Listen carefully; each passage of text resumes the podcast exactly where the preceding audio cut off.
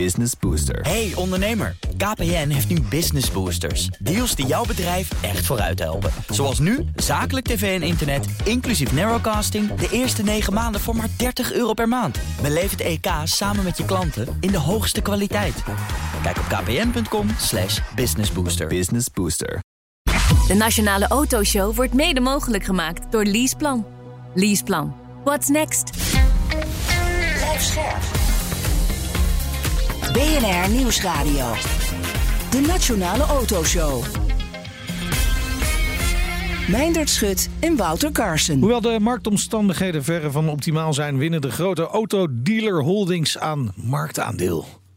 Het is altijd zo mooi. Die dealers die klagen eigenlijk altijd. Altijd, hè? hè? Zeg maar knallende economie. Ja, we kunnen- we krijgen niet genoeg auto's. De economie wat minder. Alles aan het klagen. Dus ik, de, de- die- deze beginzin van jou die was gewoon weer gesouffleerd door, eh, door de mannen daar. Maar goed, de tien grootste autobedrijven van ons land verkopen nu bijna de helft van alle nieuwe personen- en bestelauto's. Ja, en maar daarom doen ze het ook zo goed, hè, denk ik. Veel klagen, hard werken.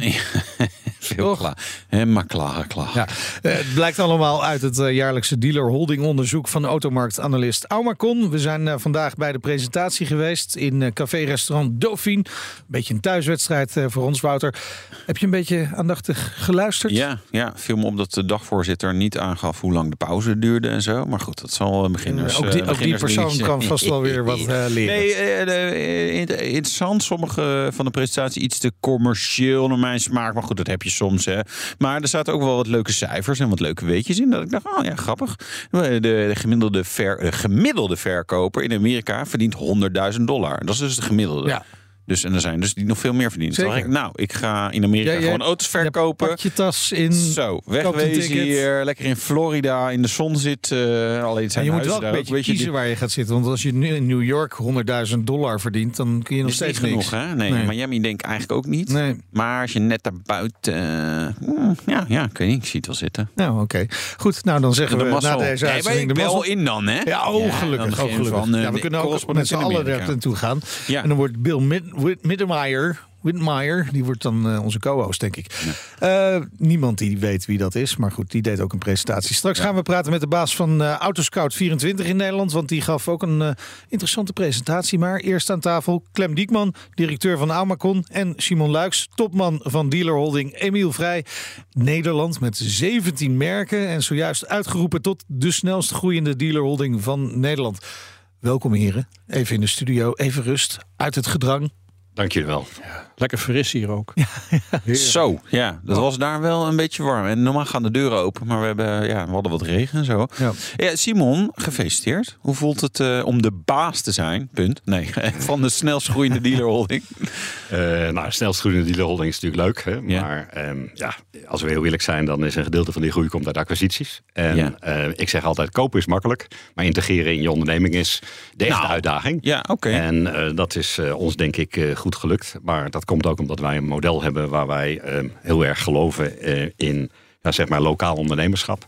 Hè, Ja. Dat mensen het ook echt ter plekke moeten doen. Ja. En eh, ja, dat functioneert eh, goed. Maar is nu al gelukt? Want ik bedoel, een deel, we hebben het over de groei in 2022. Nou ja, we zijn al een beetje halverwege het jaar 23. Maar bedoel, hoe snel doen jullie de integratie dan? De groei gaat gewoon door. Ja. En wat wij vooral de laatste jaren gekocht hebben, is eigenlijk familiebedrijven. En wij zijn zelf ook een familiebedrijf die eigenlijk bijna gewoon doordraaien. hè.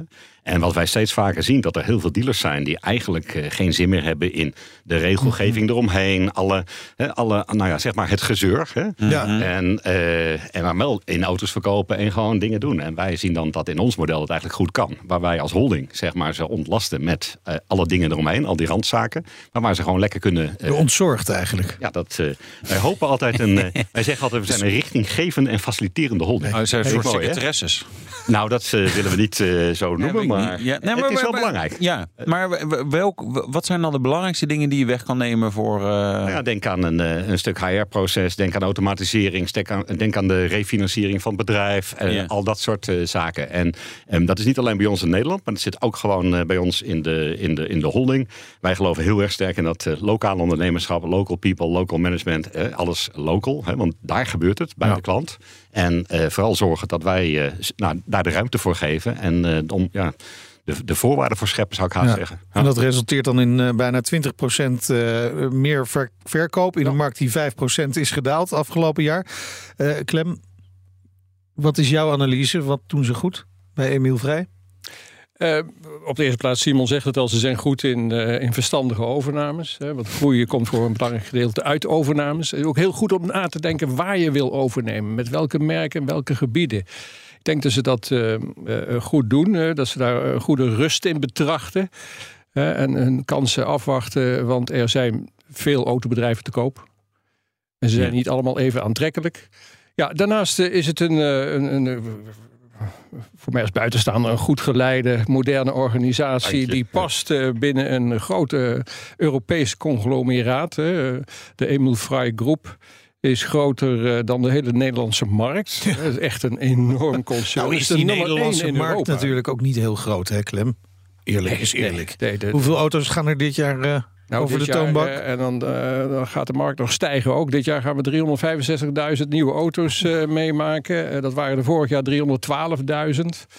Ehm, ja, dat zijn, zijn hele bescheiden aantallen, zou je kunnen Maar zeggen. ik- kijk jij voor je top 100 dan vooral eigenlijk alleen maar naar nieuwe auto's? Ja. Dat is ook een beetje gek, hè? Want uiteindelijk, de, de, een, een, nieuwe, een nieuwe auto wordt maar één keer verkocht. Maar die tweedehands auto, of derdehands, of vierdehands... Nee, maar Ja. de occasion wordt vaker verkocht. Ja, klopt. Hè. Je moet daar keuzes in maken hoe je gaat renken. Wij hebben ervoor gekozen, lang geleden al, om eh, nieuwe auto's en eh, daaraan toegevoegd nieuwe bestelauto's. Heel belangrijk eh, eh, nevensegment eh, om die te beschouwen. We Ja. hadden ook kunnen renken op basis van omzet, op basis van totaal eh, verkoop, dus inclusief occasions. Eh, op, op basis van eh, aantal personeelsleden. Maar Ja. het, het, Nou, de, de laatste is dan niet zo sterk, maar goed, ik snap je. Nee, er zijn goede en minder goede criteria. Ik moet zeggen, het, eh, het criterium van nieuwe personen en bestelauto's bevalt ons al met al het beste. Ja. Eh, we hebben- S- eh, Simon, als, stel jullie zouden op occasions. eh, hoe, hoe is de verhouding bij jullie? Want ik denk dat je ook wel heel veel occasions doet. Of, of, sta je dan opeens eh, verder bovenaan? Nee, we doen eh, meer occasions dan nieuwe auto's. Ja, ik Ja. zag wel een hele grote glimlach. Als hij aan occasions denkt, oh, heerlijk. Oh, heerlijk, ja. Dat is, eh, Kijk, het allerbelangrijkste is dat je eh, door occasions, maar ook door aftersales, door, door leasing, door alle dingen eromheen, word je eigenlijk minder afhankelijk van alleen nieuwe autoverkoop. En ik Ja. denk dat dat wel de kern is van een gezonde dealerholding. Hè, dat je dus verschillende plekken hebt waar je geld verdient. En om een idee te geven, wij doen eh, afgelopen jaar 22.000 eh, occasions, Ja. waar we opnieuw nou ja, onder de 20.000 zaten. Dus occasions is voor ons echt eh, super, super belangrijk. ja. Ja, K- Clem, zou, zou, zou de top 100 heel erg veranderen als we occasions mee zouden? Ja, zo, nee, nee, hoor. dan Nee, is het ongeveer hetzelfde. Nee, en dan zit je ook weer met het probleem van... eh, ga je de handelsauto's eh, vol meetellen? eh, of Ja. tel je alleen de, de aan particulieren? Maar dat aan- klinkt als een hoop werk, Clem. Moet je niet doen. Maar, overigens, Simon haalt wel een interessant punt aan. Ik denk dat dat heel erg hoort bij de moderne dealerholding. Dat je diversificeert. Dus je bent niet alleen maar met nieuwe auto's, met occasions bezig, met uren en onderdelen in de werkplaats. Maar dat je ook zoekt naar nieuwe activiteiten. Ja. Ja, ik denk dat eh, Emil Vrij Nederland daar een mooi eh, voorbeeld eh, van is. Ja, Ja, want welk, wat zijn die andere activiteiten? Eh, nou, dat is onder andere leasing, maar ook Ja. eh, wat wij noemen automotive supplies. Dus dan moet je denken aan, aan onderdelen, maar ook alles wat je nodig hebt in een, in een garagebedrijf. Om een voorbeeld te noemen, wij richten ook eh, garagebedrijven in op, wind, op waterstof. En dat doen we ook eh, voor, eh, ja, voor collega's van ons. Ehm, dat soort zaken. Eh, we hebben eh, in, eh, ja, in een exportbedrijf, dat doen we vooral voor de gebruikte auto's. Je moet me even helpen met dat waterstof. Wat, wat doe je dan precies? Nou, dan moet je je voorstellen dat als een dealer ehm, aan waterstofauto's wil gaan Ah, ja, sleutelen, dan, dan zijn er allerlei eisen. Wij kennen die eisen en wij helpen die dealer dan, zijn dealerbedrijf, in te richten voor waterstof. En dat doen wij met een product wat wij noemen WePower. En ehm, daar leveren wij de spullen, maar we geven ook het advies, eh et cetera. En wij proberen ons altijd. Kijk, de vraagstukken die wij zelf hebben, Ja. Ja. die leven in de hele branche. Dus die Ja. vraagstukken, die oplossingen, kan je nog, eigenlijk nog een keer verkopen. Ik, ik heb niet het idee dat waterstof in de hele branche leeft. Of, Eh, of- nou, of onderschat ik het nou, nou? ik denk- ik, ik, denk dat je het in de personenauto's. eh, eh, dat je daar denk ik wel gelijk hebt. Maar ik denk dat als je kijkt naar bedrijfswagens, dat waterstof wel een rol gaat spelen. Want die zware accu gaat natuurlijk ten koste van het laadvermogen. Ja. En dan is eh, waterstof denk ik wel een eh, serieuze. Ja. eh, Ja, dus jullie zien wel dat daar meer actie komt. Ja, en ik vind ook, hè, kijk, in die dingen moet je altijd investeren. En misschien is het een investering waarvan we achteraf zeggen, oké, niet. Hè? Maar, Nee, nee, maar die moet je ook hebben, zeg ik altijd. Precies, hè, dat hoort er ook bij. En we willen vooral breed zijn en ook het advies kunnen geven aan alle partijen in de branche en die kennis opbouwen. Want wij geloven echt dat kennis een heel groot, nou ja, stuk is van je, van je successen. Ja. Eh, belangrijk voor dat succes waren de acquisities. Hè? Een, een, belangrijk deel van de groei is daar eh, vandaan gekomen. Eh, die, die verdere schaalgrootte, is die belangrijk voor jullie? Blijf is- je op zoek? Nou, we- kijk, eigenlijk gaan we nooit op zoek. En het klinkt misschien heel raar, maar eh, overnames beginnen eigenlijk meestal met een telefoontje. En dan eh, krijg ik iemand aan de lijn en zegt: Simon, hoe is het met je? Tijd niet gesproken. Ik wil eens een keer een kopje koffie drinken. Ja, en dan, begint het dan weet jij al altijd. eh, wa- wat er aan de hand is. Zo- Zo'n appje heb ik ook net naar Ja. iemand gestuurd. Ja. Maar dat was niet voor een overname. Maar dan weet ik dus echt eigenlijk al, al genoeg. En het grappige is dat ehm, heel veel partijen die weten ook dat als ze bij ons komen praten en het lukt niet, kan je gewoon weer de deur uitgaan en dan blijft het onder ons. Oké. En ik denk dat dat heel erg belangrijk is. Maar dat, ja, dat, dat zal bij anderen toch ook wel zo zijn? Of denk je Nou, niet? kijk, er zijn heel Even veel lekker partijen- roddelen nu even. Nou, we over- lekker roddelen, Ja, leuk. ja, maar er zijn natuurlijk heel veel... zijn onder ons, hè? Er zitten heel veel adviseurs eh, tussen. Hè? En, en ik moet eerlijk zeggen, als iemand zijn bedrijf verkoopt, dan kopen wij eigenlijk van privéondernemers. Ja. Maar dat is ook hun kind. Ja. En het is voor hun vaak veel belangrijker dat we goed omgaan met de mensen. Dat we alle dingen waar zij voor staan, dat wij die ook respecteren. Ja. En eh, je ziet dat het veel meer op persoonlijk contact is. En dan daarna moet er natuurlijk nog een prijs afgemaakt worden. Ja. Maar de kern is, als iemand een goed gevoel erbij heeft, dan kom je er qua prijs ook altijd uit. Ja. En als iemand de hoogste prijs wil hebben, moet hij naar een ander gaan, moet hij niet bij ons komen. Wij kopen, we zetten het bedrijf voort, we- een toekomst voor het bedrijf. We gaan niet eh, rare dingen doen, allemaal mensen van onszelf erin en eh, de kosten eruit en noem het maar op. Maar gewoon het bedrijf voortzetten, zoals die ondernemer het eh, bedoeld heeft. En dan uiteraard een beetje fine-tunen waar je fine-tunen kan. Ja. Dat is echt de, de strategie. Oké. Nou, die klinkt, klinkt sympathiek. Nou, nu moeten we natuurlijk eigenlijk iemand vinden die daar heel ontevreden over is geweest. Maar goed, die hebben we nu niet. Maar die, die zijn er misschien ook, wel- ook wel niet. Maar eh, ehm, blijven jullie nog verder groeien? Schaalgrootte is belangrijk. Ja? Ja, kijk, het- het- is- het- Anders komen we heel snel uit. Nou, maar kijk, dat is ook gewoon zo. Alleen het is wel zo. Mensen denken dat als je. Kijk, wij doen 1,2 miljard omzet afgelopen jaar. Dit jaar denk ik eh, 1,4 of zo. Maar mensen denken dat als je groter wordt, dat je dan ook veel inkoopvoordelen hebt. Maar heel eerlijk, op, op autogebied heb je die nauwelijks. Hè? Je moet het veel meer zien nog in, in, in synergievoordelen. En wat hebben wij nou bijvoorbeeld als voordeel van een hele grote ehm, eh, Europese organisatie? Kijk naar gebruikte auto's. Hè? Ja. In Nederland verkopen we veel meer gebruikte auto's dan er eigenlijk op de Ja. markt komen vanuit de verkoop nieuw. Ja. Dus wij hebben dat hele netwerk in het buitenland. Hè, dat Je- kunt wij lekker dozen schuiven. Wij, wij zijn echt met elkaar eh, aan, het, eh, nou ja, aan het handelen. Hè. Dus je hebt ja, een soort eigen interne Europese markt, zou ik bijna zeggen, binnen Emu Vrij. Maar het is ook zo, Emil Vrij is een ongelooflijk platte organisatie. Hè. En, eh, dat kan je op twee manieren uitleggen. Nou- ik kom uit Rotterdam, dan zijn we ook plat. Ja, plat is wat anders. Eh, ja. plat water heb je ook. Hè. Ja. Maar, Ja. maar wat ik ermee wil zeggen is dat ehm, er is geen centraal geleide organisatie met strategie, et cetera, et cetera. Daar gelooft meneer Vrij niet in. Die gelooft in lokaal ondernemerschap, net zoals Ja. wij dat ook Ja. geloven. Er is een executive board in Zwitserland. Die bestaat uit eh, eh, zes man die de markten vertegenwoordigen. Daar ben ik één van. Ik ben verantwoordelijk voor Nederland en Polen. Alleen samen zitten we gewoon in dat groepje. En zijn we ook echt aan het kijken. Hey, hoe kunnen we dat doen? Hoe kunnen we optimaliseren? Ja. Hoe kunnen we met elkaar... Dus jij zegt, nou, ik heb nog een paar diesels, eh, dus die kunnen we mooi naar, ja, kan je met maar- jezelf maar- maar overleggen en naar Polen. Ja. Zo gaat het. Zo, Ja. ga- zo gaat Ja. het. En dan niet zozeer op autoniveau, maar zorgen dat mensen elkaar kennen, dat mensen elkaar in de Ja. organisatie weten te vinden en van elkaar leren. Je, je zei nog iets interessants. Je zei, joh, inkoopvoordelen. Nou, Of je bij een eh, fabrikant op dit moment duizend auto's koopt of 1500 auto's, dat maakt op dit moment niks uit. En in de agentuur maakt het helemaal niks meer uit. nee, klopt. Argentinië. Maar, maar nu, want ze- beginnen toch wel weer een beetje stress te hebben. Ik zag mooie staartjes van de RDC met, met staattijd en voorraden die oplopen en zo. Dus Ja, ja, nou, het is wel een belangrijk punt, want eh, er is weer eh, voorraad. En Yes. het stomme is natuurlijk dat we geld ook weer geld kosten. Want Glenn zei terecht dat het een heel goed jaar wordt. Alleen wat voor de dealers echt heel anders wordt dit jaar, zijn de rentelasten. Want op dit moment is de rente zwart weer drie keer zo hoog als eh, vorig jaar in dezelfde periode. En dat gaan wij dus merken. Dus dat betekent ook dat die omloopsnelheid van die voorraden eigenlijk wel eh, nou ja, om, eh, omhoog moet. ja, En- kortingen dus. Nou, ik denk kortingen. eh, kortingen. eh, Dat- nou, dat- kortingen, dat zou kortingen. kunnen natuurlijk, maar het pleit ook eh, voor het agentuurmodel. Ja, waarbij de rentelasten, de rente Ja, liggen voor bij, rekening ja. van de fabrikant komt. eh, dus dat, eh, ja, maar dat liggen bij iemand anders en die krijgt er alsnog stress van. ja, weet je, als het geen moet geld geen geld kost, de breedte komen natuurlijk. Ja. Maar, Ja. eh, Ja, dit- dat is wel een voordeel van natuurlijk het agentuurmodel. Maar als we heel eerlijk zijn, we verkopen 22.000 gebruikt en 19.000 nieuw. Die rentelasten op gebruikt, die heb je ook. Hè? Dus die zijn natuurlijk nog wel eh, Ja. eh, eh, bij ons. Dus omloopsnelheid is belangrijk. Ja. Het is alleen wel zo, op dit moment als je in de gebruikte automarkt kijkt. De vraag valt gewoon tegen. Eh, dan kan je de prijs eh, verlagen, maar dan gebeurt er ook niks. Als er geen vraag is, kan je beter gewoon eh, dan maar, eh, eh, nou, zeg maar de prijs gelijk houden. En eh, meer marketing doen dan wat anders. En het punt is een beetje, want dat was ook een leuke Er zijn een hoop luisteraars die Ja, balen. Want Nee, nou ja, wij, wij, van, wij zijn allebei media-ondernemers. Dus wij marketing, ja, is altijd goed. Ja, Dus je marketing moet is ja, sowieso ja, de marketing Nee, is goed. precies. Nee, nee, maar, nee, du- du- duidelijk punt. de reclameblokken zijn nog te koop Ja. hè, rondom ons programma. En de andere discussie is natuurlijk elektrisch. Hè? Podcast. Ik heb ook nog Podcast hebben we ook nog, ja.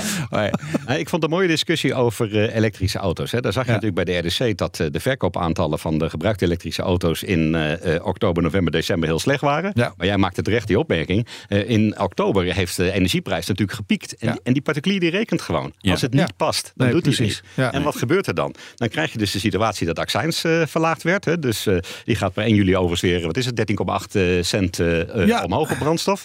Dus wat gaat er gebeuren? Vanaf 1 juli Wordt, krijgt de consument dat weer mee. En dan gaat hij zich weer realiseren dat elektrisch misschien weer interessant Ja. is. Ook omdat eh, eh, in principe natuurlijk weer een langdurig contract kan afsluiten. Of in ieder geval een jaarcontract. Dat kon allemaal niet in die nee. periode. En dan moet je dat spel kunnen spelen door de juiste auto's op de juiste plaats te hebben. Daar helpt schaalgrootte bij natuurlijk. Hè. Dan kom ik even bij jou, Clem. Ja hoor. Ja. Want eh, er blijft er natuurlijk wel steeds minder over voor de kleinere spelers. Hè? Ja, ja, want het is natuurlijk wel heel sympathiek dat de grootste dealer van Europa eh, de, de, de voordelen van schaalgrootte wat downplayt.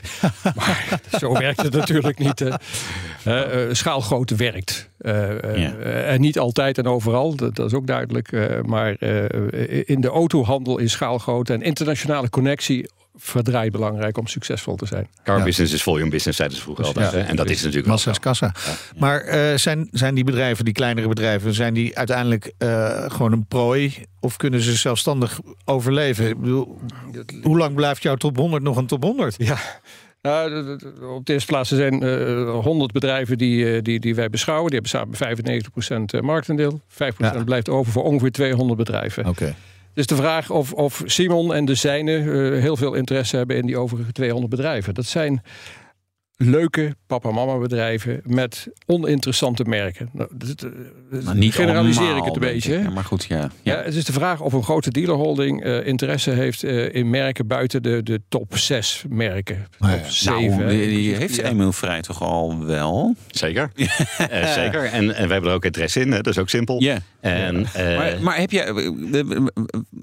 Heb je interesse in alle merken? Of hebben jullie interesse, moet ik zeggen, als bedrijf? Of zeggen we, nou, we hebben wel, weet je, we hebben, we hebben wel ons, we hebben ons lijstje. Ehm, we hebben niet interesse in alle merken, maar het hangt ook nog van het land af. Want eh, je Ja. moet je voorstellen dat het eh, distributiemodel in een bepaald land niet bij ons kan passen. Terwijl het in een ander land misschien wel bij ons past. Ehm, maar in basis eh, hebben wij eh, interesse in elk merk. Hè, als er een goede business case eh, achter zit. En eh Klein noemde vanmiddag geloof ik nog Mitsubishi.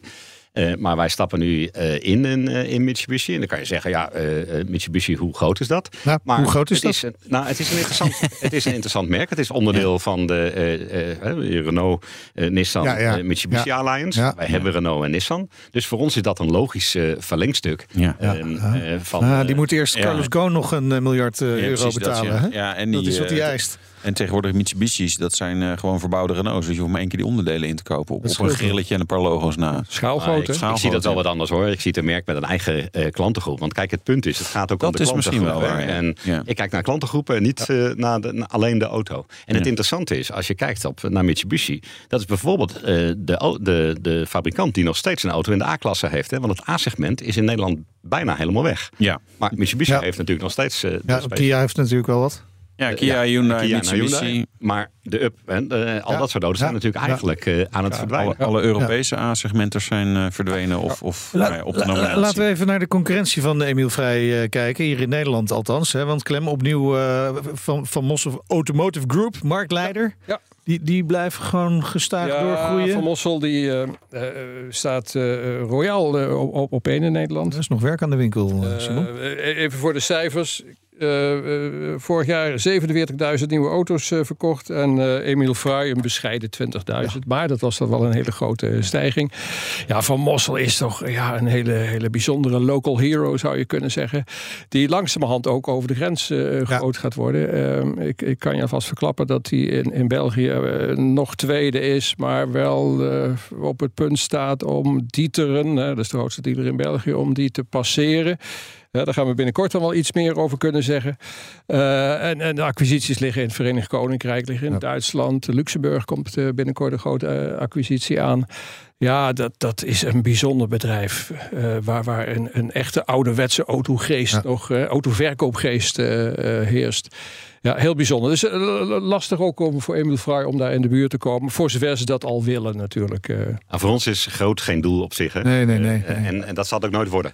En eh, ik zei het eh, vanmiddag al, hè, meneer Vrij, eh, die nog steeds actief is, die gelooft erin dat als je de beste eh, bent, dan word je vanzelf de grootste. Hè, maar je moet niet de grootste willen zijn, want dan ben je niet meer de beste. Dus ehm, dat is altijd een interessante eh, discussie intern. En ehm, heel eerlijk, als je kijkt naar de Nederlandse markt, dan is het natuurlijk best, eh, ja, daar zijn er best veel grote dealerholdings. Maar ik denk dat wij geen van allen elkaar als hele grote concurrenten eh, zien. Omdat er voldoende ruimte in de markt Nee. is voor onszelf om ons eigen ding te doen. En onze aansturingsmodellen zijn ook echt verschillend. Dus er zijn mensen die heel goed bij de ene holding passen, misschien minder goed bij de andere holding. Maar dat kan prima naast elkaar. En eh, ik denk niet dat we elkaar als, eh, als grote concurrenten zien. Nou ja, maar in die end of the day willen jullie allemaal auto's verkopen. En ik, ik, ik, ik koop hem maar één keer dit jaar. Ja, dat volgend jaar klopt. misschien nog een keer. Maar dus Ja, jij wel. Ja. Maar dat klopt. Alleen eh, de kern is, kijk, wat wij proberen te doen is niet eh, heel Nederland eh, vol te stampen met auto's, om het maar plat te zeggen. Kijk, waar het om gaat is dat je in je eigen verzorgingsgebied auto's verkoopt. Waarom verkoop je in je eigen verzorgingsgebied auto's? Dan heb je ze in aftersales, dan heb je het hele traject en dan heeft het echt zin. Het leuke is dat partijen die heel groot waren in Fleet, die krijgen het sowieso lastig. Want in het agency model wordt dat natuurlijk een, een andere discussie. Hè. Dan gaat natuurlijk die fabrikant daar ook een rol in spelen. Ja. Dus voor ons is het echt de lokale markt bewerken. Ja. Gewoon particuliere klanten, gebruikte klanten, of voor gebruikte eh, auto's klanten. En echt daar de dealer zijn. Hè? Ja. En eh, je ziet bij ons op de bedrijven ook niet eh, de naam Emiel Vrijen. Je ziet de lokale naam. hè. Ja. Eh, eh, Ekeris BMW, Ja. Het wel, Volkswagen. wat Het- wat het- wel het- grappig is in vergelijking met Van Mossel... is dat jullie allebei natuurlijk een Chinees merk Ja. vertegenwoordigen. Hier in Nederland. Xpeng Ja. is jullie merk. Ja, nou en ik, ik, Speng, ja, ik moet eerlijk zeggen, het is een merk waar ik eh, eh, echt eh, ongelooflijk verrast ben door de kwaliteit. En eh, wat ik ontzettend leuk vind, ik weet niet of jullie, eh, ja, jullie houden volgens mij best eh, de buitenlandse pers ook aardig bij. Ja. Eh, maar er was een eh, prachtig onderzoek in, eh, in eh, Noorwegen waarbij Xpeng de, de WLTP, of eh, sorry, de, de echte rijkwijde nog veel hoger is dan de WLTP. Wij zien dat zelf in de, in de, in de praktijk ook. Nou, je zag natuurlijk op het bord nog, eh, of tenminste, je zag nog relatief heel weinig registraties. Maar de uitlevering gaat eigenlijk tegen de eind van het jaar nu echt beginnen. Vanaf de zomer de eerste P7's en de G9's eh, vanaf, eh, ja, dat zal waarschijnlijk november worden. En we gaan onze tweede Xpeng-vestiging openen in Breukelen. Daar gaan we aan de A2 een, eh, een vestiging openen. En dat zal denk ik eh, ja, augustus eh, worden. Misschien ietsje eerder nog, eind juli. Maar eh, dan gaan we daar de, de volgende vestiging. En we zijn ook met eh, ja, de vestigingen daarna alweer in voorbereiding. Want we gaan daar gewoon vol, vol gas geven. als je even naar de ranglijst eh, kijkt, eh, Clem. Wat, wat valt jou nog meer op? Je hebt, je hebt, je hebt, ja, je hebt er maanden aan gewerkt. kapot geanalyseerd. Ja, precies, ja. Hier komen ze hoor. Op, de eerste plaats dat, dat die top 10 heel erg eh, gewichtig is, hè, letterlijk. eh, Ja. eh, eh, bij de helft Nou, van de dat markt. zou je gezegd worden. In mijn geval klopt het eh, denk ik aardig. Maar dat. Ehm, eh, de helft van de markt door 10 dealers. Nou, Ja. dat, dat, dat Ja. eh, nergens eh, ter wereld eh, zie je zo'n situatie. Ehm, ik, ik, had het er wel over dat die, die 10 dealers eh, ja, goed gebruik maken van hun schaalvoordelen, maar ook nieuwe activiteiten zoeken.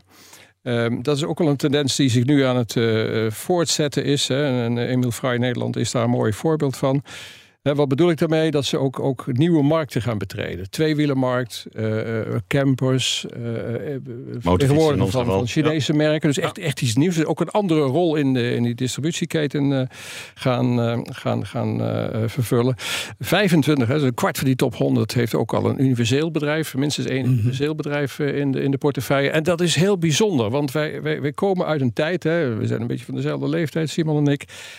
Je had dealers Ja, en je had univers- universele. Ja. En dat waren twee werelden die niets met elkaar te maken hadden. Eens. Je werd als dealer geboren of als universeel geboren. Er, er rustte bijna een vloek op op het praten over, over de andere kant. Ehm, en en die, die, die waterscheiding die is nu Die is aan, het, eh, aan, het die is aan het verdwijnen. Heeft dat ook een beetje met de komst van het agentuurmodel te maken? Mm, Nee. Nee, geloof ik ook Nee? niet. Nee, nee, nee, nee, nee. Nee, ik denk dat, dat ja, dealers kijken. Je ziet gewoon waar het geld is.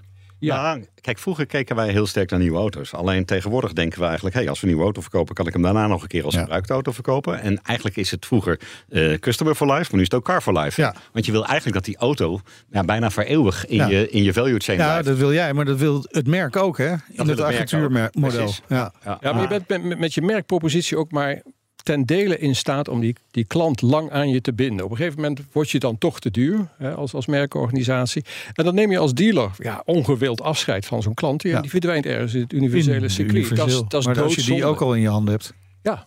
Dus dat is ja, Dan hou je logisch. vast, ja. En wat interessant is in de top 10, eh in Clem, daar heb jij misschien nog niet zozeer naar gekeken, maar dat vind ik heel interessant. Moet je eens kijken hoe stabiel het management is in de top 10. ja, maar dat is echt waar. Dat is echt waar. Ja, Je kent alle collega's al jaren, want het zijn al jaren dezelfde mensen op dezelfde plekken. Is dat zo? niemand Bij, bij, wil het ik- doen, bij, bij Lauwman zijn er best wel wat wisselingen zo in de top geweest, toch? Die is, eh, of is dat de uitzondering? De, de vorige, eigen, de, de vorige eh, directeur is lang gebleven. Hè? Dus het is nu een wisseling. Eh, Ja. en, maar ja, eh, soms zijn Ja, nee, oké. En daar heeft ze geen gelegd, want die zijn wel flink gestegen. ja, zijn heeft derde Simon gelijk in. Dat, eh, is heel dat stabiel. stabiel. Ja. Eh, Tot, tot slot, dat agentuurmodel, gaat het er nou echt op grote schaal komen, Clem? als je één antwoord wil horen, dan is het antwoord nee. Oh. Nou, misschien eh, mag ik er nog wat aan toevoegen. Ja. Kijk, kijk, in principe, welk model het ook is, hè, voor ons maakt het uiteindelijk niet uit als we er geld aan kunnen verdienen. Maar wat wel interessant is, dat ehm, autofabrikanten, dat weten we met z'n allen, waren niet het allerbeste in retail. Hè? Nee. De meeste hebben al een retailvestiging de afgelopen jaren verkocht. Precies. Wat gaan ze nu eigenlijk doen? Retailen. Andersom. Interessant. Dus eh, we, kijken het, eh, met, eh, we kijken het aan. Met En- veel en- interesse. Ja, absoluut. En, en heel eerlijk, als we aan het model agent eh, gewoon goed geld kunnen verdienen, is het ook geen probleem. Gaan we er keurig in mee, geen enkel punt. Alleen ik ben wel benieuwd. En ehm, wat, wat echt ehm, een aantal fabrikanten zich niet realiseert op dit moment, hoeveel, om het maar plat te zeggen, shit wij de afgelopen jaren, met name doordat de auto's niet kwamen, hè, eh, weer een nieuwe auto, eh, de, moest, de chip was niet voorradig. We lossen natuurlijk als dealer eigenlijk ongelooflijk veel op. En dat zijn niet dingen die je op kan lossen met een systeem of, of een heel simpel proces. Dat kan je alleen maar oplossen door te luisteren naar je klant. Ja. En de vraag is hoe ze dat stuk eh, gaan doen. Dat vind ik interessant om, te, om te gaan zien. Nou, Het, en het- ik ben, ben ook heel benieuwd hoe, hoe de fabrikant dan op een gegeven moment weer omgaat met een situatie van overproductie. Dus op een gegeven moment staan de terreinen vol met, Ja. met, Nou, dus het, ik wou net zeggen, het Elon Musk model. Want dat is het enige wat je kan doen, is korting, korting, korting. korting, of, of schiet nog iets naar Mars, als je nog een raket hebt staan. Nee, ja, maar, maar je kan je niet. Want je, kan, je hebt geen eh, telefoonklapper met klanten waar je denkt, oh ja, je rijdt alweer drie jaar in je auto, maar ik, ik heb een leuke staan voor je. Maar goed, wij moeten gaan afronden. hè? Zeker. Want we kunnen nog uren doorpraten. Yes. Gaan Maar wij op zich wel doen, maar dan met iemand anders. Precies. Dank jullie wel. Clem Diekman, directeur van Aumacon. En Simon Luiks, topman van dealerholding Emiel Vrij Nederland. De snelst groeiende dealerholding van ons land. En zometeen. Ja, de tweedehands automarkt. Ja, we gaan eh, de, de baas van Autoscout 24 eh, bevragen hoe dat dan weer gaat. En hoe Ja. dat in de toekomst zal En Wouter testen M3 Touring van BMW uiteraard. Tot zo. De Nationale Autoshow wordt mede mogelijk gemaakt door Leaseplan. Leaseplan. What's next? Blijf scherp. BNR Nieuwsradio. De Nationale Autoshow. Meindert Schut en Wouter Carson. Welkom terug. We zijn nog altijd eh, bij de presentatie van het jaarlijkse dealerholding onderzoek van Aumacon. Hè, dat was in eh, café-restaurant Dauphine. Wij zijn even naar de studio gegaan. Straks voelt Wouter de BMW M3 Touring aan de tand. Maar eerst... Mm, Ja, aandacht voor de tweedehands automarkt. Dus, ja, het kon niet op hè, de laatste jaren. Auto's waren niet verkrijgbaar en zo. Maar goed, het lijkt voorbij. En dus is het nog belangrijker om, om online goed vindbaar te zijn als je auto's verkoopt. Ja, en Dorianne Richelle is eh, country manager bij Occasion Platform Autoscout24 in Nederland. Welkom, leuk dat je er bent. Dankjewel. Wat was je boodschap eigenlijk vandaag? En vandaag heb ik het vooral gehad over inderdaad het volledig online verkopen van auto's. En Ja. of dat nou een goede tijd is om dat te gaan doen. Of dat we nou nog eventjes rustig aan Ja. moeten gaan kijken. En als je dat wil doen, wat je dan mee moet nemen, hoe je dat aan moet pakken. Hoe je nou die koper echt gaat helpen om Ja. een auto online te kunnen kopen. Ja, maar de, de, de online auto's verkopen toch een beetje zoals, eh, zoals puberseks. Iedereen praat erover, maar niemand doet het. Ja, jij Is er- zegt het. Dat Ik hoop weet je niet dan als, eh, dat dat hoop je dan als vader. Ja, Ja, precies. precies. Ouders Of zullen moeder. er misschien van schrikken. Ja. Nee, Als ja, je puur naar de cijfers kijkt, dan is het inderdaad nog maar een heel klein stukje van de markt. Hoeveel? Ehm, ik heb het een beetje zelf proberen te berekenen, want er zijn weinig data over. Maar als ik kijk naar auto's die je echt alleen maar online kan kopen, nieuw en tweedehands. eh, als ik kijk naar platformen die auto's volledig online verkopen, heb ik dat allemaal wel elkaar opgeteld in 2022. Dat maar even voor de ruimte verdubbeld, dat aantal. En dan heb je het nog niet eens over 1% van de verkopen van autobedrijven aan particulieren. Oké, dus Echt nou, wel bizar weinig, hè? dat, Echt kunnen we af, dat kunnen we afschrijven, online auto's verkopen. Maar nee, nou, jij zou Nou, daar ben bijna ik het dus niet mee eens. Nee. Vertel, Vertel. Nou ja, of er is dus, ligt dus nog een kans om, om nou ja, de, de volgende 99% online te gaan verkopen. Ik weet niet of het ooit gaat lukken om die 99% daarop te krijgen. Ik weet ook niet dat de ambitie zou moeten zijn. Maar wat ik wel weet is dat Autoscout in 2022 een onderzoek heeft gedaan naar hoeveel mensen nou echt bereid zouden zijn een auto online te kopen. En dat was toch wel interessant. Dat is bijna 17%. Ja. Een stukje minder dan een paar jaar geleden, toen een dergelijk onderzoek ook werd gedaan. Mhm. Dik 30% was.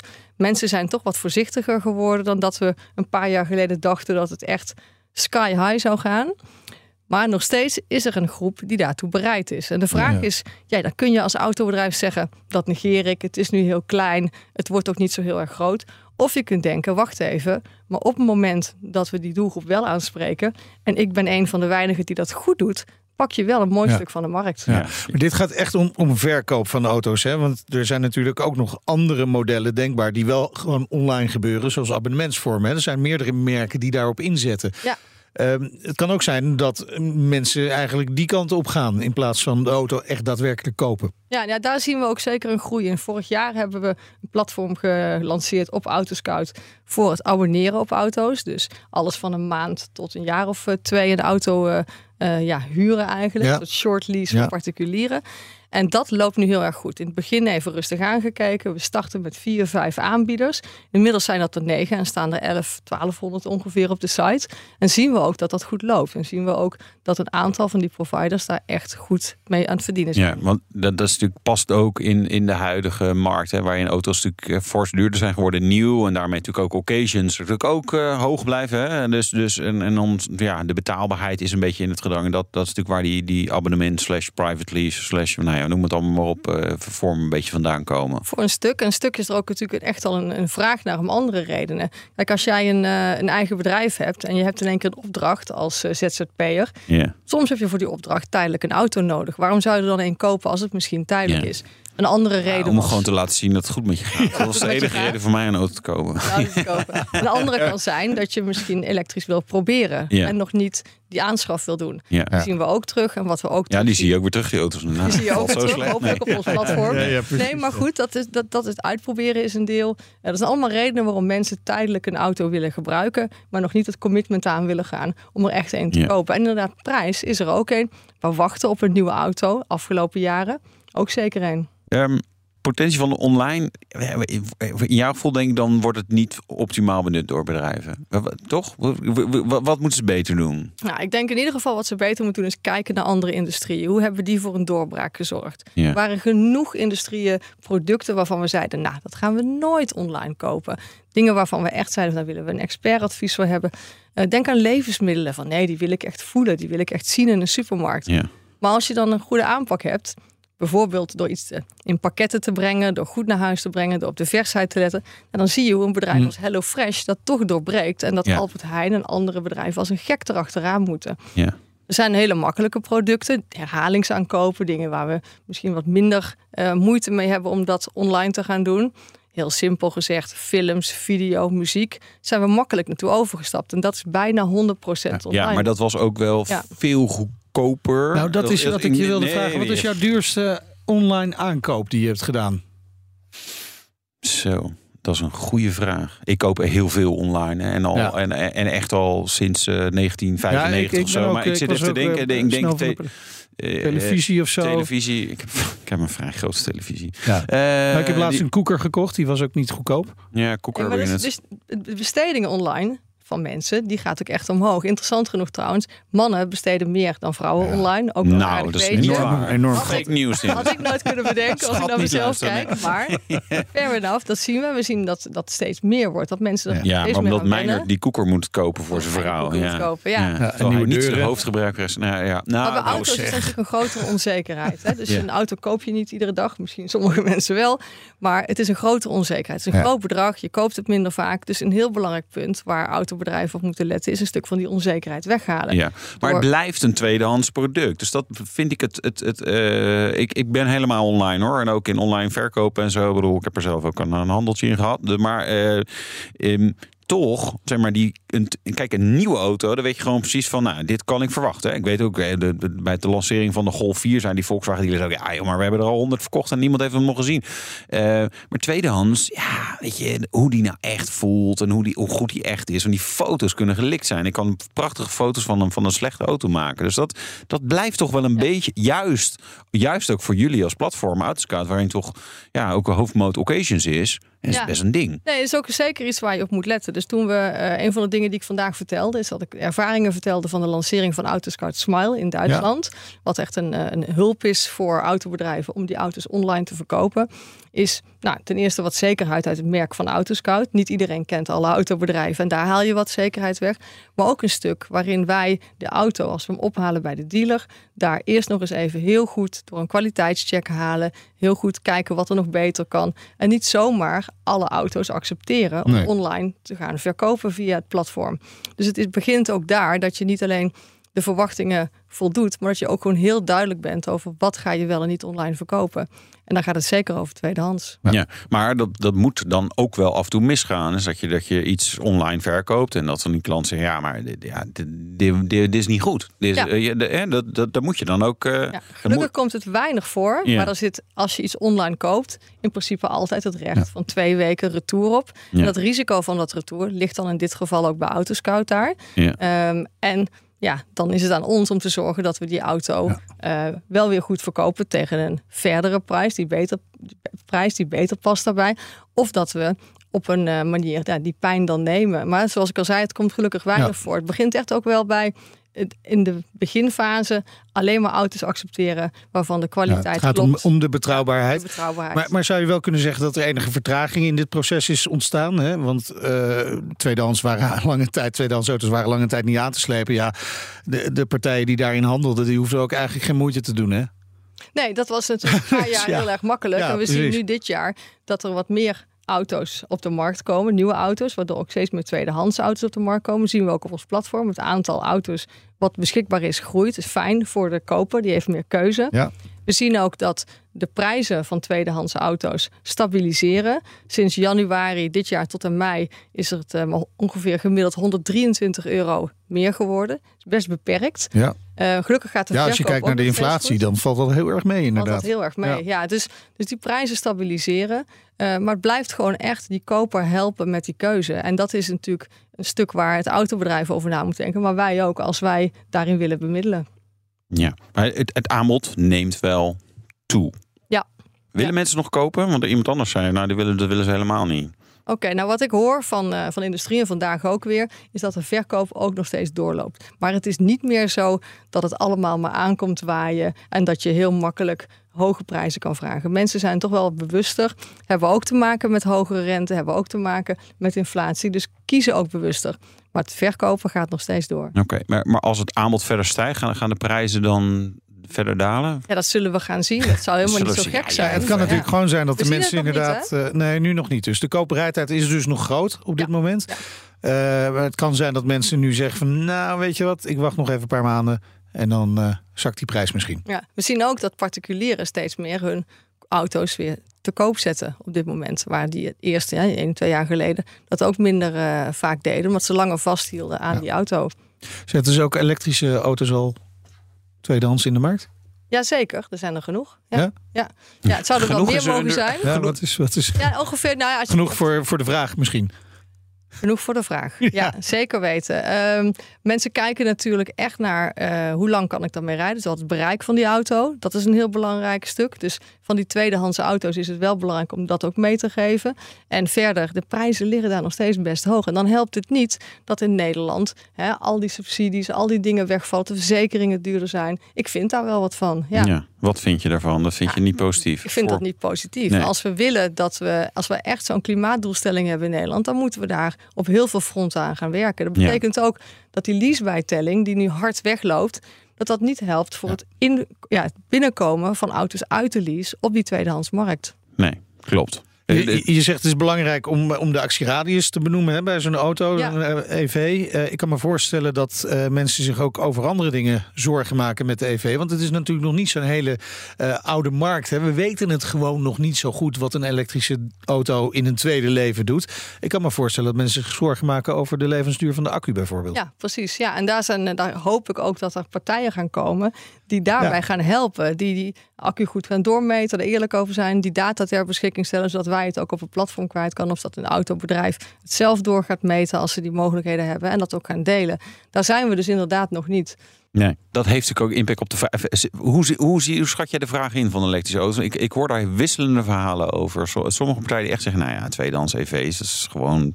Ja, die staan hier lekker stof te vangen. En we hadden net staattijden van nieuwe EV's. Ook wel, loopt allemaal wel op. Ja. Dus hoe kijk je er tegenaan? Ik denk dat gewoon dat dat echt verschilt van merkmodel. Dat dat Ja. dus een aantal gewoon echt wel te oud zijn of een te klein bereik hebben, waardoor die markt gewoon kleiner is. Ehm, tegelijkertijd hebben we onderzoek gedaan. Nou, wat willen die consumenten nou betalen voor een eh, tweedehands EV? Ja. En dat zit op een maximum van 29.000 euro. Ja. Nou, als je dan gaat kijken op ons platform, is niet veel te vinden, denk ik. die zijn er Oh. wel, maar er zijn er niet veel Nee. inderdaad. Ja. Ja, Ja. Dat, is, dat is of heel. eh, eh, of zeg maar gewoon eh, met een klein, hele kleine accu. Of, of eh, auto's die best oké zijn, maar al een heel leven als taxi bijvoorbeeld achter zich eh, hebben. ja, of in een lease hebben we gezeten. Ja. Mensen die moeten dus ook de ruimte krijgen om die informatie goed te hebben. Ja. om die keuzes te maken. En daarom vind ik het ook zo belangrijk dat er een goede doorstroom komt van tweedehands kwalitatieve EV's met een goed bereik. En dat die informatie er ook is. Ja. Ja. Ja, maar nog wel even werk aan de winkel dus. Nog wel even werk aan de winkel voor de hele industrie. Ja, zeker. Ja. Maar dat begint dus ook, wat mij betreft, bij een overheid. Bij iedereen die het zo belangrijk vindt dat we die doelstellingen gaan halen. Om ook in de breedte te kijken, hoe help je dat nou? V- Vraagt Den Haag wel eens wat aan, aan jullie? Want jullie zijn, zijn een van die voelsprieten in de markt. Weet je, ik bedoel, ik, ik, ik, alle tweedehands eh, auto-apps eh, binnen en buitenland die staan op mijn telefoon. Dus nou, je doet regelmatig zo'n rondje. En, afhankelijk, en dat er zit inderdaad, af en toe ga je opeens weer EV's kijken. Ik ook. Dan denk oh ja, even kijken wat dat kost. Oh, dat is duur inderdaad. maar, eh, die data is best interessant. Hè? Want je, je loopt eigenlijk voor op, op wat mensen daadwerkelijk kopen. Want je gaat eerst kijken, zeg maar, de meest, meeste mensen. Nou, ik word niet uitgenodigd door eh, een minister of een staatssecretaris om het daarover te hebben. Nou, dat zouden ze wel Eh, een keer moeten doen. Maar, maar Ja. goed, wij, wij, de data die wij hebben, die zijn wel gewoon beschikbaar. En die Ja. delen we Ja. ook. En ook als we een onderzoek doen, dan publiceren we het. Ik hoop wel dat daar ook naar gekeken wordt. Je hebt natuurlijk best wel een aantal organisaties in Nederland waar wel naar wordt geluisterd. AWB of BOVAG. Die zitten daar hopelijk wel aan tafel om ook daarvoor te lobbyen. Ja. Ja. Eh, Jullie hebben ook onderzoek gedaan naar het eh, onderhandelen over de koop van een occasion. Ja, Ruimte voor verbetering, geloof ik, hè? nou ja, het is best interessant, weet je. Er zijn eh 80% van de mensen die voor het eerst een auto kopen... zegt dat ze heel erg op de prijs letten. Maar maar 43%, dus nog minder dan de helft... onderhandelt ook over die prijs.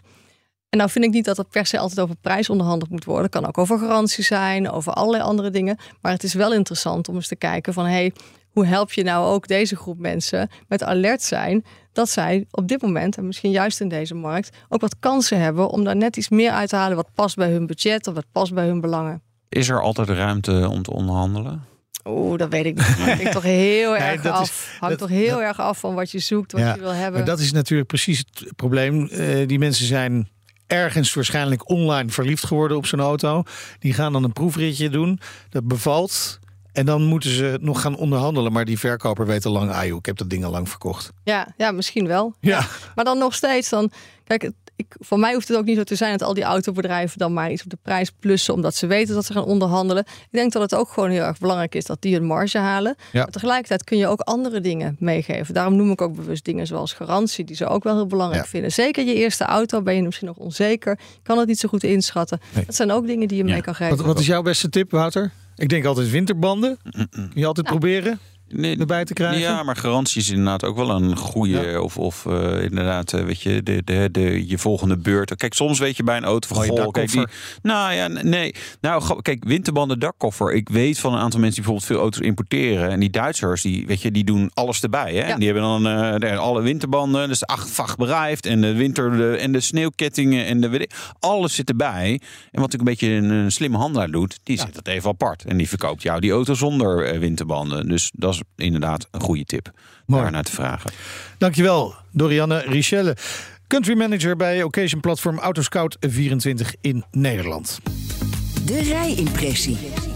Wouter test de BMW M3 Touring. Oh, ik hou zo van deze auto. Eigenlijk van alle drie series wel. Nee, even serieus. Tuurlijk M3. Zeggen, ja, leuk. Ja, fantastisch. Duur. Veel pk. Maar ehm, ik weet nog, introductie van de 330i. Dat was de eerste sedan. Dat ik ook dacht, ja, het is echt gewoon geweldig gedaan. Gewoon het onderstel. Ze hebben echt keuzes gemaakt om er gewoon een, lekker sturende, echt sportieve auto van te maken. En echt iets anders dan bijvoorbeeld een Audi Quattro, maar wat te noemen. Die, eh, deze auto heeft ook X-Drive, vierwielaandrijving, maar toch, het karakter is zo anders. En ja, jullie hebben dat natuurlijk ook beloond met de Autoblog Auto van het Jaar verkiezing. De winnaar, dat is deze BMW M3 Touring. M3 Touring, altijd X-Drive. Het is altijd de competition. Dat betekent 510 pk, geen 480. En altijd de Steptronic 8-traps automaat. Ja, stiekem misschien ook wel gewoon helemaal prima. Natuurlijk, er is te pleiten voor ja, achterwielaandrijving. Ik kan lekker overal driften en zo. Maar dat kan blijkbaar met deze ook.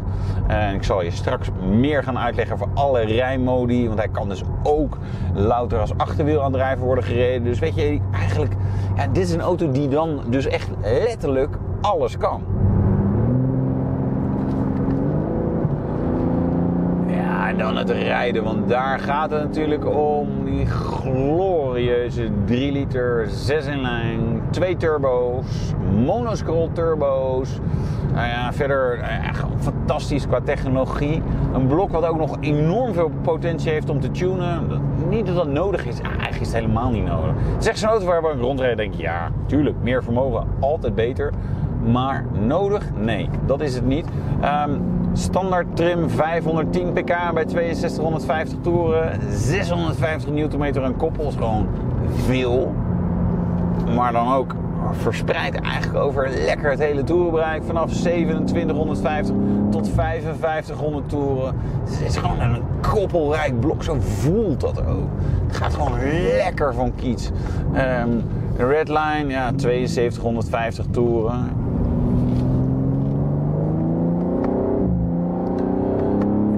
Zo'n lekker blok. Dit is echt sterk. En dan grobbelt natuurlijk aan die bliksemsnelle automaat. Het helpt gewoon allemaal wel mee om gewoon een auto te maken die echt snel is.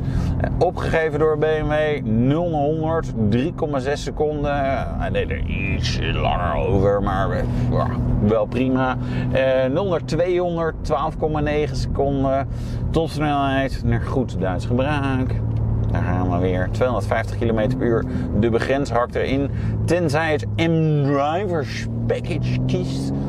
En volgens mij moet je dan verplicht cursus volgen. Want ja, het wordt natuurlijk wel gevaarlijk dan allemaal. En dan mag je 280 km per uur. Ja, je kunt dus echt veel spelen met al die instellingen. Maar het onderstel is ook gewoon zo. De balans van dit platform is gewoon zo mooi. Oh, dat is maar, weet- je, dat gevoel hij echt duwt met de achterkant. Hè? En, dus, en als je dus wil, dan kan je, kan hem echt zetten. Of je kan echt driften. Of je kan juist zeg maar, lekker veel snelheid maken. Nou ja, en al die instellingen natuurlijk voor het freewheel drive systeem. Ja, weet je, het is... I love it. Nee, word ik echt, echt blij van. Dat heb ik al volgens mij al tien keer gezegd met M3 en een 4 en een M440i en M340i. En zelfs de i4 eh, tot op zekere hoogte. En de 330i ook nog botenbenen. Eh, het is gewoon echt een lekker platform. Ja, nog gekoppeld aan zo'n potente motor. Dit gaat zo af. Maar ja, als je dan je gezin gewoon normaal wil vervoeren, nou, redelijk ruim. Veel goodies, mocht je die willen. Eh, bijvoorbeeld optionele laserkoplampen boven de 60 km uur tot 550 meter verschijnen. Eh, alle assistentiesystemen, dus gewoon adaptieve cruise control, eh, de, lane departure warning, eh, botswaarschuwingen, stoelverwarming, stoelventilatie volgens mij zelfs. Ik zit even te kijken. Ja, zelfs stoelventilatie. Dus wat dat betreft echt een auto die alles kan. Hiermee kan je op het circuit rijden. Natuurlijk, hij is aan de zware kant. Maar ja, dat zijn alle moderne auto's. Eh, je kan ermee op wintersport. Je kan ermee verhuizen. Je kan ermee naar de Ikea. Je kan er naar, mee dragracen. En dat alles voor de luttele som van 145.000 euro. Nou, wie wil dat niet? Nou, ik wil dat wel, maar ja, dat geld is natuurlijk op zich altijd weer een issue. Maar man, is dit fijn. Zo'n lekkere auto. Ik hoop echt dat hij massaal wordt gekocht door alles en iedereen. Gewoon iedereen die ook maar enigszins overweegt van... ik heb iets nodig met vier of vijf zitplaatsen, een beetje bagageruimte en performance. Veilig hè, voor inhalen en zo.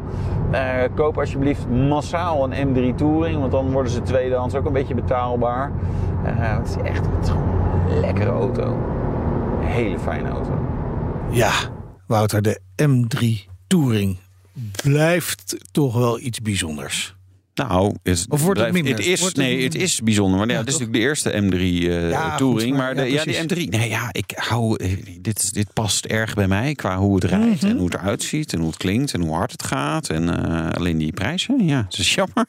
Ja, nee, gaat het niet worden? nou, het begint bij 140. Maar ja, als je wat dingen aanvinkt, dan eh, gaat het hard. Nee, maar Ja. dit, dit is wel echt. eh, dit, vind, dit vind ik echt heel leuk. Dit was de Nationale Autoshow. Terugluisteren kan via onze website, via onze app natuurlijk. Moet je even downloaden, kun je het gratis allemaal ontvangen. Maar je kunt ook een eigen podcastplatform kiezen. Staan we overal. Ja, abonneren maar natuurlijk. Eh, volg ons Twitter, Facebook, Instagram, LinkedIn. Ja, en als je dan toch heb- bent geabonneerd, dan krijg je ook onze Breek de Week podcast. Ook Elke midweek ongeveer op dinsdag meestal Dinsdag, verschijnt die. woensdag, Ja. en dan eh raaskallen wij over de autobranche en markt. Ik ben Meijnerd Schut. En ik ben Wouter Karsen. Tot volgende week. De Nationale Autoshow wordt mede mogelijk gemaakt door Leaseplan. Leaseplan. What's next? Hardlopen, dat is goed voor je.